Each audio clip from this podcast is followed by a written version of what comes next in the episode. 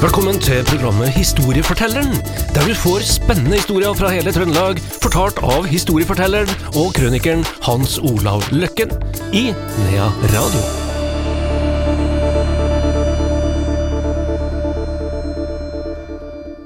Historiefortelleren på lufta igjen her inne i Radio ønsker jeg velkommen til Hans Olav Løkken. Jo, takk. Du, eh, i dag, Hans Olav, så skal vi faktisk til den amerikanske borgerkrigen, og da lurer jeg vel litt på det trønderske alibiet her, da. Ja, nei, det er ganske bra, det. Det er det? Ja, jeg er litt stolt av det. Ok. Ja. så bare vent eh, noen minutter, og så skal du få eh, høre. Vi skal linke det til, tilbake til mange kommuner i Trøndelag, og, og også eh, litt spesielt med Stjørdal jernbanestasjon. Hva i all verden har den med borgerkrigen å gjøre? Så det her kan bli spennende. Ja. Og eh, jeg husker jeg sto på eh, grava til en Sitting Bull borti Amerika. Jeg er jo litt sånn rar, vet du, fer der borti hvert år og fer mye på kirkegårder og graver og sånn, så jeg er vel ikke helt god i hodet, kanskje. Jo, men det er jo der historia ligger, ikke Det er der historia ligger, og du må til stedet der det, Ja. det skjedde. Ikke, du har ikke historie hvis du ikke har vært der. Nei. Sånn. Nå får du et eierskap til det. Så sto vi da på denne grava til en Sitting Bull, og der kom det da en eh, fyr i dress, eh, slips selvfølgelig, og eh, viste seg å være en professor på universitetet der. Og jeg så jo at han var av eh, indianer eh, bakgrunn, da. For du, det ser du jo på kinnbeina og litt sånn, ikke sant? Pluss, han hadde da den fletta bak, som er eh, det typiske såkalte eh, tegnet på at den tilhører Sioux-indianerne. De går altså med sånn flette, da. Så eh, jeg har jo da lært én ting når jeg er på sånne severdigheter og, og rundt omkring, og går der alene og sleng, eller har med meg en eller to, og det kommer noen sånne guider og sånn, så stiller jeg meg alltid bak. da får jeg jo nesten gratis, ikke sant? Ja. Så jeg står der og lytter, vet du. Og han hadde med seg ei klasse med studenter, og sto og prata om han Sitting Bull og indianerne og sånn. Og jeg ble jo veldig fascinert, og gikk bort og presenterte meg. Da. Og han var kjempekar, og vi hadde en fantastisk stund før vi måtte skilles. Og så sa han en ting til meg. For han skjønte jo at jeg drev med historie og sånn, og så sa han du må aldri begynne med borgerkrigen, han, for jeg fortalte om alle de historiene jeg har drevet med i Amerika, og det er ganske mange. Så sa du må aldri begynne med borgerkrigen, for det er en uh, sykdom. En sånn mani. Kommer du først inn i den, så kommer du ikke ut igjen. Og det har jeg hørt andre også har liksom vært inne på, blant venner jeg har i Amerika.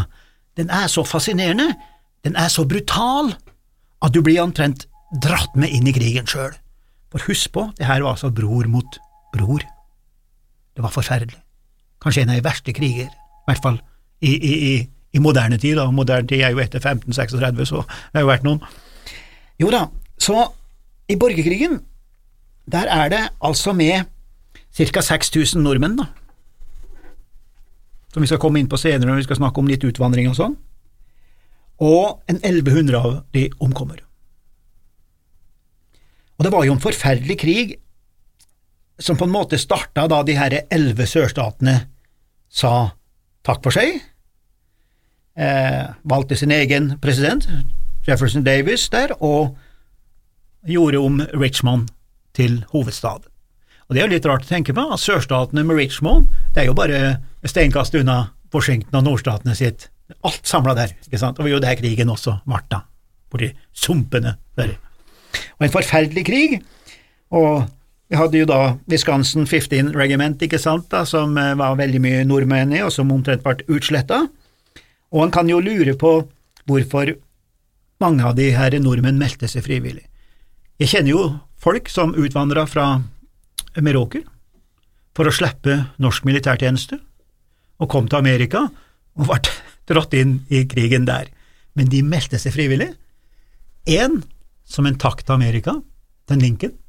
To, han Lincoln har jo da lovet at de som ble med i borgerkrigen, skulle da få så og så mye jord, og de fikk eh, var det 100 dollar, og det var utrolig hva han skulle få, og krigen skulle vare bare en to-tre uker. Og så varte den altså i over fire år. Så når jeg gikk inn, jeg, jeg, som sagt, så har jeg holdt meg unna borgerkrigen, men, Du tok lærdom av det? rådet? lærdom av det der, men, men jeg ble litt nysgjerrig, skjønner i forbindelse med den her jernbanestasjonen som vi skal komme litt tilbake til.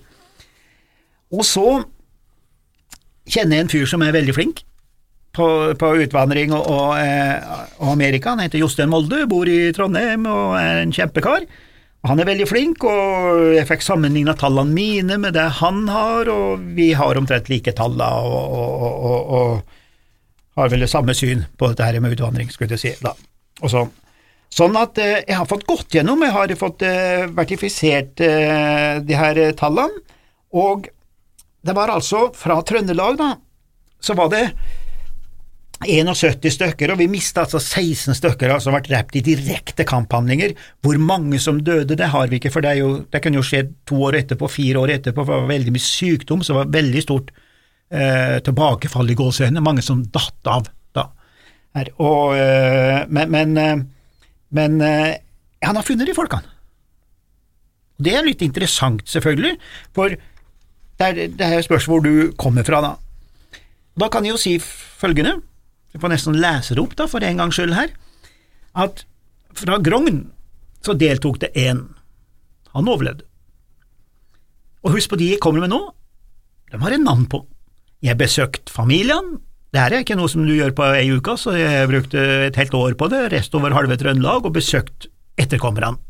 Tatt bilde av dem, og har, har liksom personalia på dette her, da. Så jeg vet hvem det er, de her folkene her, så det kan dere jo bare se i boka mi.